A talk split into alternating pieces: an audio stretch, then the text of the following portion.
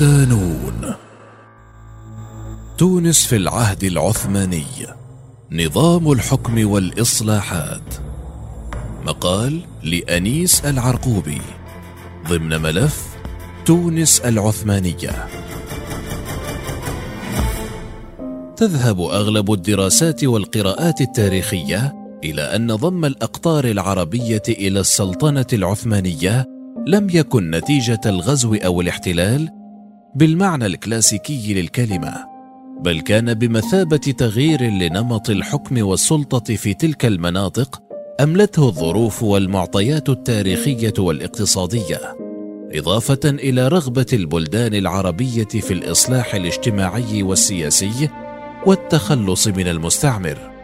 ففي نهاية القرن الخامس عشر ومطلع القرن السادس عشر كانت الدول الإسلامية الكبرى تعيش حالة من التفكك الداخلي العميق ولم يبق من أمجاد الماضي إلا الصورة التي احتفظ بها الملوك والسلاطين خاصة في شمال إفريقيا الموحدون وخلفاء الأسرة الحفصية في تونس وقسنطينه وطرابلس الغرب.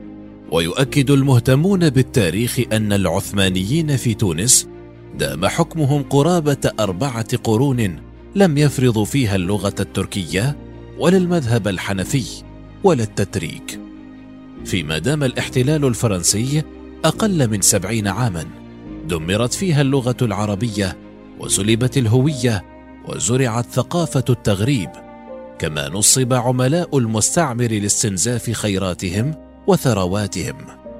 بانتصار الدولة العثمانية على الإسبان وترك سنان باشا لقوة انكشارية متمثلة في الفيلق 101 وقوامه خمسة آلاف جندي انكشاري لحماية تونس وجعل الحكم فيها بين كبارهم. أصبحت السلطة في يد طبقة عسكرية تركية التي عملت على إقامة علاقات متنوعة مع الأهالي ليتشكل على مراحل مسار أدى إلى تطور النظام السياسي في اتجاه التقليص التدريجي للصبغة التركية للحكم مقابل المزيد من الاقتراب من الواقع المحلي حيث مر نمط الحكم من التفويض المباشر إلى حكم الدايات ومنه إلى البايات عهد الباشاوات انطلق منذ 1554 تاريخ الحكم المباشر التركي حيث حول سنان باشا تونس إلى إيالة خاضعة لمركز الإمبراطورية الباب العالي وعادت السلطة العليا إلى الباشا الذي يمثل السلطان ويعين لمدة ثلاث سنوات مع الاستعانة بضباط الجيش الانكشاري الذين شكلوا مجلس الديوان والقاضي أفندي الحنفي الذي تولى النظر في المسائل القضائية والدينية. وقد طبع هذا النظام بسمة عسكرية طاغية نظرا لموقع البلاد المجاور للقوى النصرانية الأوروبية التي تبحث عن موضع قدم في شمال إفريقيا وتوسيع نفوذها.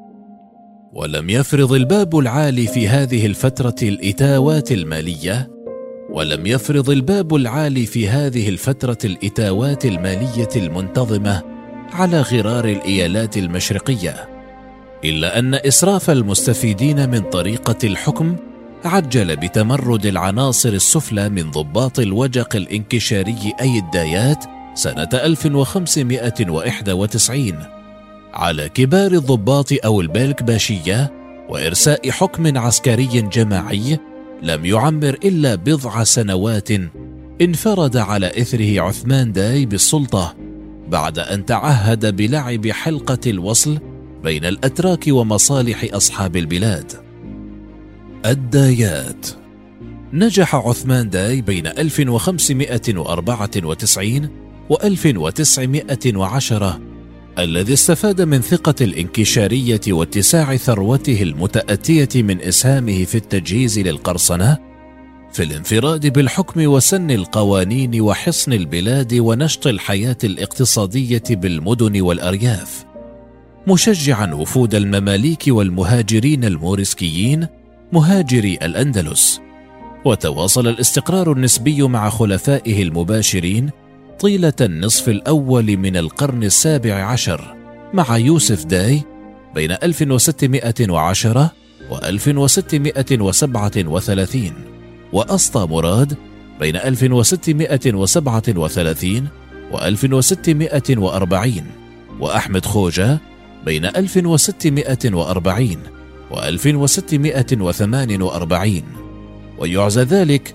إلى ارتفاع مردود القرصنة البحرية الذي استفاد من الصعوبات التي واجهتها أوروبا خلال حرب الثلاثين من سنة 1618 إلى 1648 كما عاينت هذه المرحلة تباينا في المصالح بين حكام أوجاق الغرب الثلاث واتصل ذلك بمسألة ضبط الحدود مما ساعد على تشكل المجال الترابي لكل إيالة.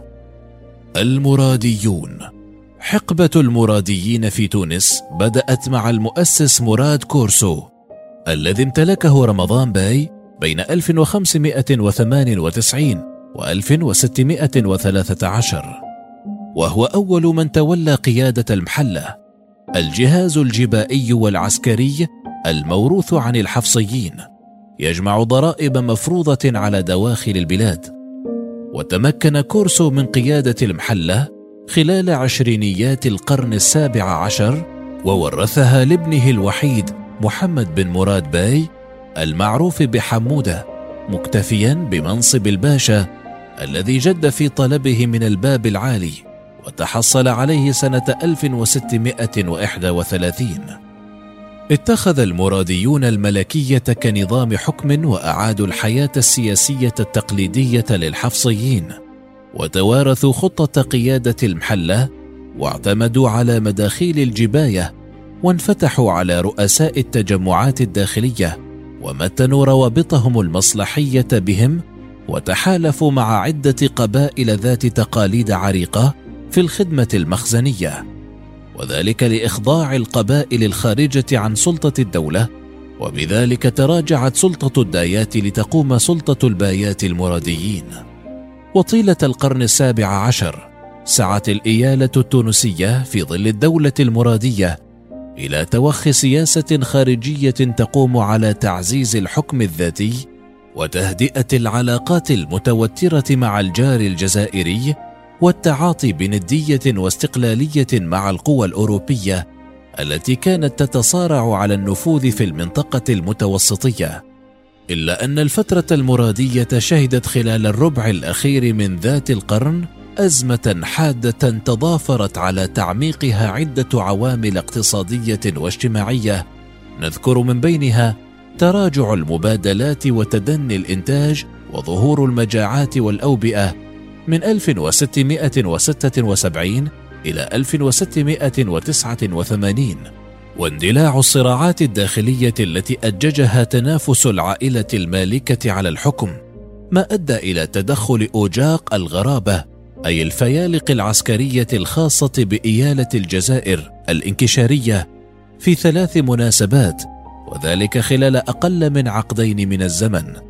في سنوات 1686 و 1694 و 1705 واستفحلت الفوضى نتيجة لسياسة الباي مراد الثالث بين 1699 و 1702 لتنتهي فترة حكم المراديين. الدولة الحسينية هم بايات حكموا تونس من 1705 إلى 1957 عن طريق المؤسس الحسين بن علي تركي. بين 1705 و 1735 الذي ينتسب والده إلى مدينة كنديا بجزيرة كريت اليونانية الذي استغل اضطراب الأوضاع السياسية في تونس واستولى على الحكم من المراديين بعد مقاومة أتراك الجزائر حتى أصبحت دولته كيانا قائما بذاته على حساب الأتراك العثمانيين. ونجح في توطيد حكم السلالة الجديدة بإحداث توازن سياسي وإداري بين مختلف العناصر الفاعلة في البلاد من كرغليين وأعيان وأتراك الذين أشركهم في الاستفادة من مخزنه في استغلال خيرات البلاد عن طريق اللزم والوكالات والوظائف والمناصب السامية غير أن تطويره لسياسة الاتجار مع البلدان الأوروبية خلال عقد المعاهدات مع فرنسا بين 1710 و 1728 وإنجلترا سنة 1716 وإسبانيا سنة 1720 والنمسا سنة 1725 وهولندا سنة 1728 أوجدت معارضة قوية.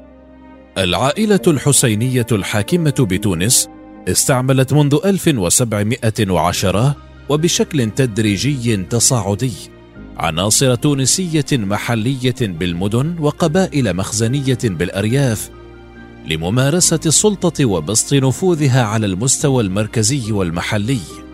وتثبت الوثائق الإدارية والدفاتر المحفوظة بالأرشيف الوطني ذلك. إلا أن الحروب العائلية التي عرفتها دولة الحسينيين في تونس من 1728 إلى 1756 في عهد ابن أخي المؤسس علي باشا بين 1735 و 1756 إلى غزو البلاد سنة 1756 أدت إلى قيام وصاية على تونس من طرف حكام الجزائر الدايات وخلفت الحرب الأهلية عدة نتائج خاصة منها عودة الانقسام وتعدد تدخل الأجانب من أتراك الجزائر سنوات 1705 و 1735 و 1746 و 1756 واتسمت تلك الفترة بفظاعتها الشديدة وارتبط فيها مصير حكام البلاد بمصير محكوميهم.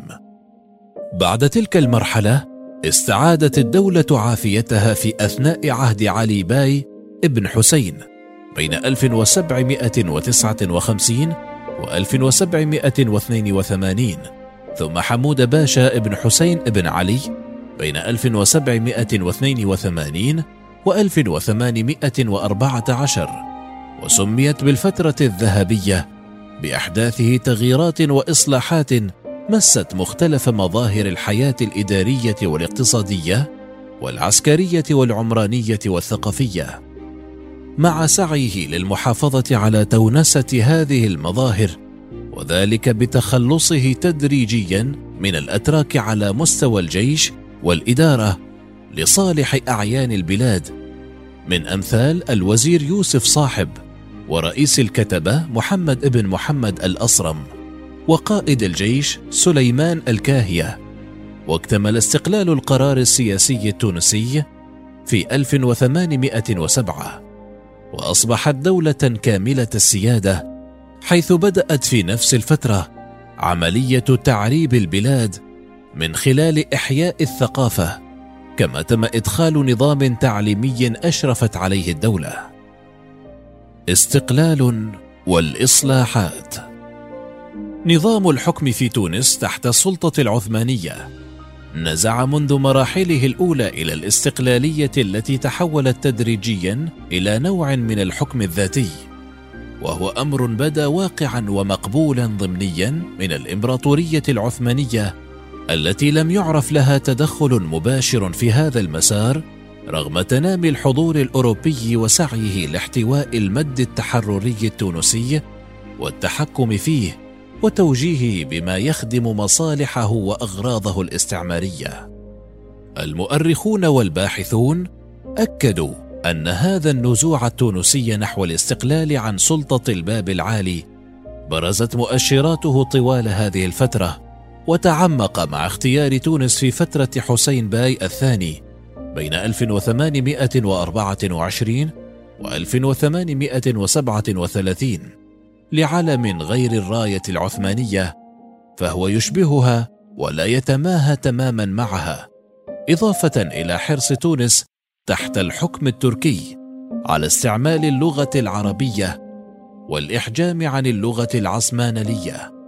فالوثائق التونسية التي جمعها وحفظها الوزير الأكبر خير الدين باشا مؤسس خزينة حفظ مكاتيب الدولة سنة 1874 كتب أغلبها بالعربية.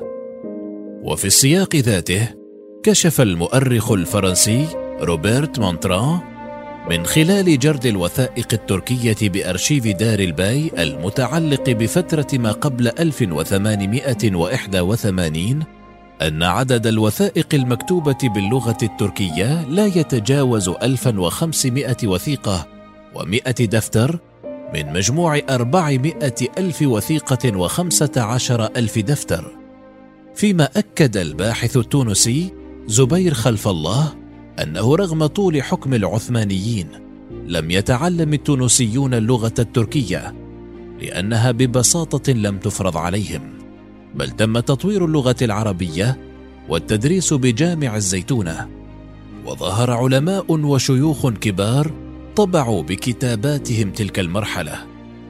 وثائق التراسل مع الباب العالي باللغة العربية وتواصل التعامل التونسي مع الخارج كدولة مستقلة دون تفويض أو تنسيق مع إسطنبول إضافة إلى رفض أحمد باي العمل بالإصلاحات التي أقرها الباب العالي سنة 1839 وتعلله باختلاف الطباع والظروف. في رسالة رفعها وزيره أحمد بن أبي الضياف تدلل على أن الدولة العثمانية لم تمارس حكما مباشرا على الإيالة التونسية ولم تسلبها قرارها السيادي بل استمر هذا النزوع للاستقلالية إلى المؤرخين. بل استمر هذا النزوع للاستقلالية إلى تأسيس ما اعتبره المؤرخون الذاتية التونسية. حيث شهدت الإيالة منذ 1860 إصلاحات عديدة تميزت بتأسيس الوزارة الكبرى ووزارة الحرب والبحر ومجلس لتدقيق الحسابات ووزارة الداخلية وكذلك ظهور أول برلمان تونسي أطلق عليه المجلس الأكبر شفع بإصدار دستور سنة 1861 يفصل بين السلطات الثلاثة.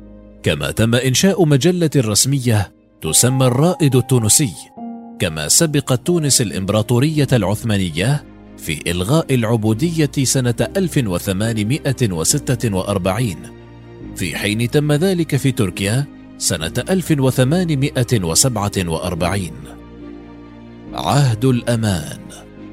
مستوحى من التنظيمات العثمانية الخيرية المتمثلة خاصة في مرسومي هاميون وشريف كالخانة تضمن عهد الأمان الذي أعلنه محمد باشا باي يوم التاسع من سبتمبر 1957 جملة من الحقوق والمبادئ السياسية والاجتماعية وردت ضمن أحد عشر مادة من أهم ما جاء بها مبدأ المساواة أمام القانون والجباية وحرية ممارسة الديانات وحرية التجارة وسمح للأجانب امتلاك العقارات بعد أن حرموا من ذلك في عهد حمود باشا الحسيني وجاء عهد الأمان في مجمله كإجراء سياسي يوفر الأمن لسائر السكان ويضع حدا للاستبدال والظلم والتفرقة بين سكان الإيالة أو المملكة التونسية. دستور 1861 أول دستور في التاريخ العربي الإسلامي تولت لجنة من رجال الدولة وبعض العلماء إعداده وأعلنه محمد الصادق باي يوم التاسع والعشرين من يناير كانون الثاني 1861 وحدد يوم السادس والعشرين من أبريل نيسان من نفس السنة كتاريخ ابتداء العمل به. واحتوى الدستور 114 فصلا حددوا حقوق وواجبات العائلة المالكة والوزراء والموظفين والرعية. كما أقر مبدأ الفصل بين السلطات الثلاثة ونظم العلاقات بينها فأعطى السلطة التنفيذية للباي لكن جرده في المقابل من عدة حقوق كالتصرف في أموال الدولة وأصبح الباي مسؤولا أمام المجلس الأكبر الذي بوسعه خلعه إذا خالف القانون. أما السلطة التشريعية فجعلها الدستور مشتركة بين الباي والمجلس الأكبر الذي يتألف من ستين عضوا ثلثاه من أعيان البلاد والثلث الآخر من رجال الدولة. وللمجلس الأكبر النظر في ميزانية الدولة وله مراقبة الوزراء ومحاسبتهم. فيما أصبحت السلطة القضائية مستقلة عن الباي وأسندت إلى عشر مجالس جنايات وأحكام عرفية بمثابة المحاكم الابتدائية ومجلس التحقيق بتونس العاصمة بمثابة محكمة استئناف وأسندت مشمولات محكمة التعقيب إلى المجلس الأكبر. وانبثق عن الدستور إحداث مجالس كمجلس التجارة ومجلس الحرب ومجالس الضبطية الحكم في الجنايات الخفيفة. بالمحصلة يمكن القول إن تونس تحت الحكم العثماني لم تكن خاضعة بشكل كلي إلى سلطة الباب العالي. ومن خلال المعطيات سالفة الذكر فإن الإيالة التونسية كانت تحظى باستقلالية القرار السياسي من خلال الإصلاحات التي قامت بها على مستوى نظام الحكم والإدارة والتسيير أو من خلال الاتفاقيات التي أبرمتها مع الغرب وخاصة فرنسا دون الرجوع إلى إسطنبول وكانت تمارس سيادتها على مجالها الجغرافي. لذلك وجب على الباحثين إعادة صياغة فهم جديد للوقائع التاريخية وتبيان ما إذا كان دخول الأتراك لبعض الدول العربية استعمارا أم وقوفا في وجه القوى الإسبانية والبرتغالية التي كانت تحارب باسم الصليب. وتبيان ما إذا كان دخول الأتراك لبعض الدول العربية استعمارا أم وقوفا في وجه القوى الإسبانية والبرتغالية التي كانت تحارب باسم الصليب.